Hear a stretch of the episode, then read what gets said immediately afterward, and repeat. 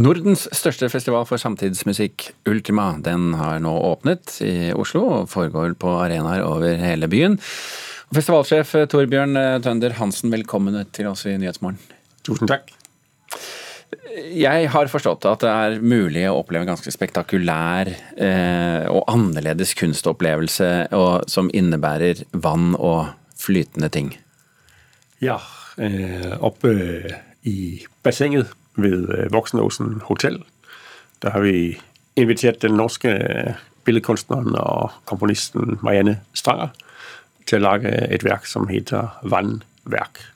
Og det er sånn en total opplevelse fra man kommer opp i naturen der oppe, over fjorden og øh, ser at der blir blåst opp disse ballene som er sånn kjempestore dråper, egentlig. Og de er gjennomsiktige.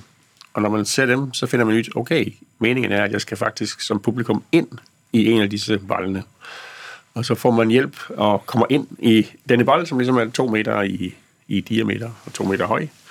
Og så blir man liksom sakte sluppet ut på vannet i bassenget. Og der flyter man så rundt som en kæmpe dråbe og opplever da musikk, øh, lys, billedkunst en fortelling, kan man si. Det må jo være en fantastisk opplevelse. Har du prøvd selv?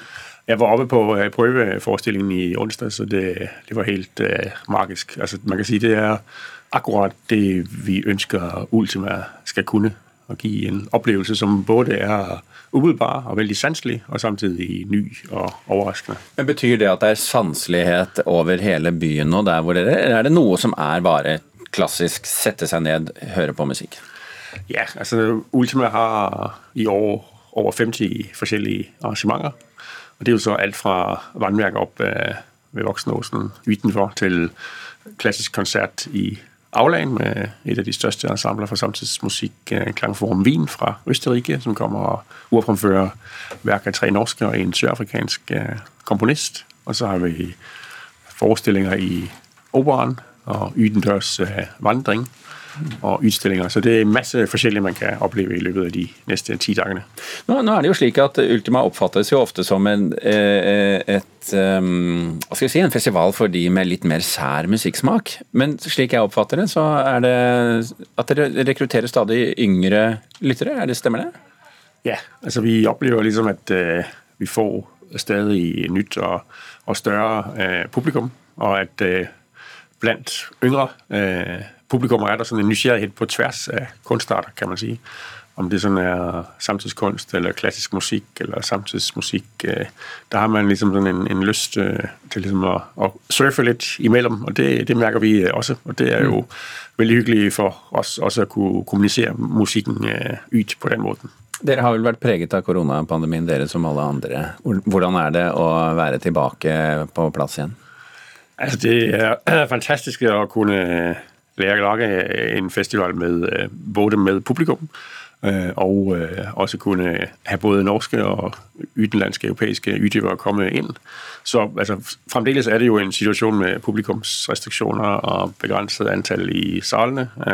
Men i forhold til siste års situasjon for oss, hvor vi hadde en mye mindre festival, så er det et stort og fantastisk steg i riktig retning, kan man si.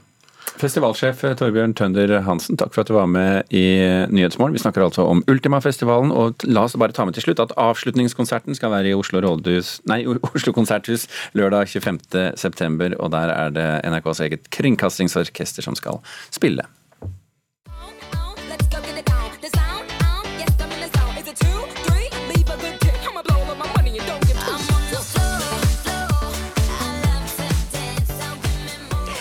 Rappartisten Nikki Minaj er i hardt vær etter ei Twitter-melding tidligere denne veka. Hun får nå korreks både fra amerikanske og britiske helsestyresmakter. Og reporter Thomas Alvarstein Ove, hva var det hun skrev? Dette begynte på mandag, da hun skrev til sine 22 millioner følgere på Twitter at hennes fetter ikke ville ta koronavaksinen fordi en kamerat av ham ble impotent, og kjæresten eh, deretter da avlyste bryllupet. Før hun selv eventuelt tar vaksinen, så skal hun eh, gjøre grundige undersøkelser, som hun eh, skriver. Og at hun ikke har tatt vaksinen, gjorde også at hun ikke kunne komme inn på den gjeve gallaen på The Metropolitan Museum i New York mandag kveld, som er en av de viktigste sosietetsbegivenhetene i USA. Hva reaksjoner har hun fått? Det viktigste er kanskje at eh, USAs helsetopp Anthony Fauci har sagt til eh, CNN at eh, det finnes ingen sammenheng mellom bivirkninger av koronavaksinene og impotens. Finnes det ikke medisinsk hold for det Eh, i dag. Og Spørsmålet kom også opp på en pressekonferanse i London i går, der det ble påpekt hvor uheldig det er at kjendiser sprer denne typen tvil om vaksinen til sine mm, følgere på sosiale medier. Og Statsminister Boris Johnson kommenterte det hele på denne måten.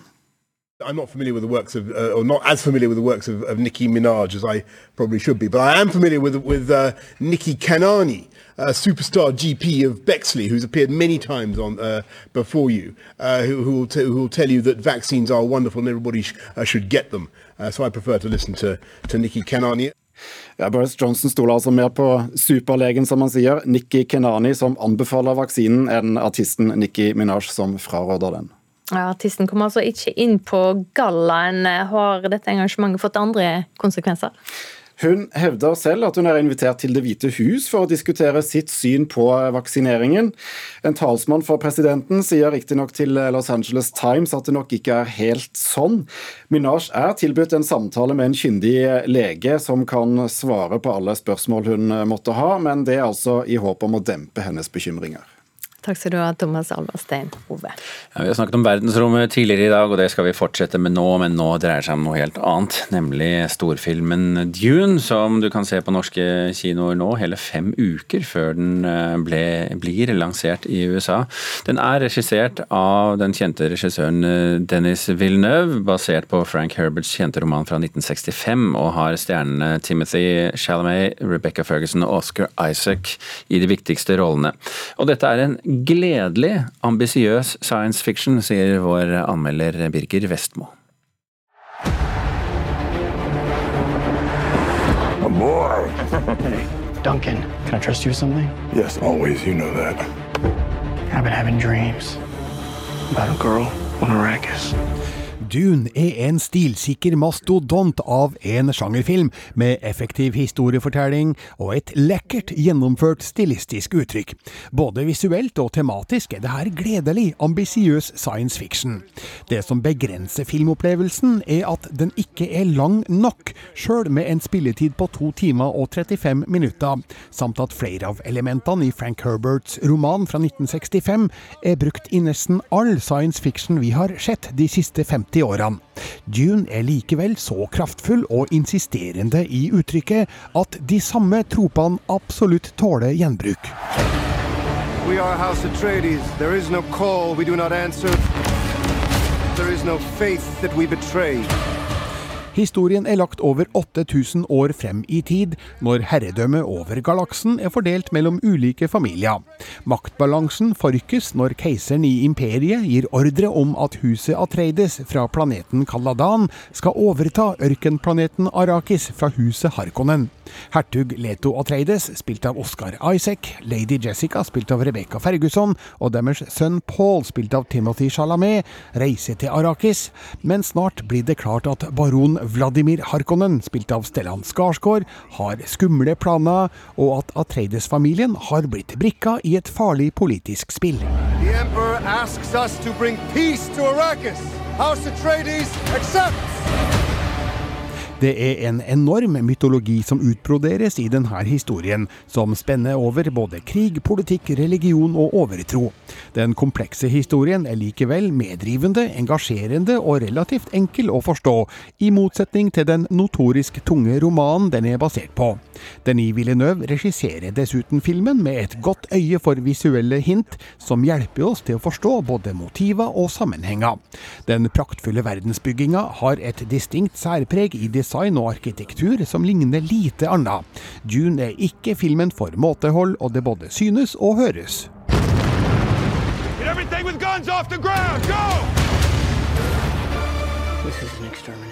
Dune avrundes dessverre idet den virkelig er i ferd med å bli interessant, der noen av hovedfigurene står ved et avgjørende veiskille. Det er en liten skuffelse at den store oppbygginga fisler ut på denne måten. Man må bare håpe at filmen blir en stor nok suksess til at Villeneuve får lov av Warner Bros til å lage den påtenkte oppfølgeren, for det her er voksen science fiction med mye mer å by på enn bare tøffe spesialeffekter. Den legger et solid grunnlag for det som har potensial til å bli den nye store sci-fi-serien. This is I, June. Kill them all. Terningkast fem. God in heaven. Og Dune den ble anmeldt av eh, Birger Vestmo. Og hvis du nå er en av de som så, hørte på radio og ikke så de fine bildene vi har lagt ut på de, for de av dere som ser på TV, så kan dere gå inn på nrk.no anmeldelser. Så ser dere bildene der. og Så kan dere se på traileren og sånn og lese denne anmeldelsen hvis du har lyst.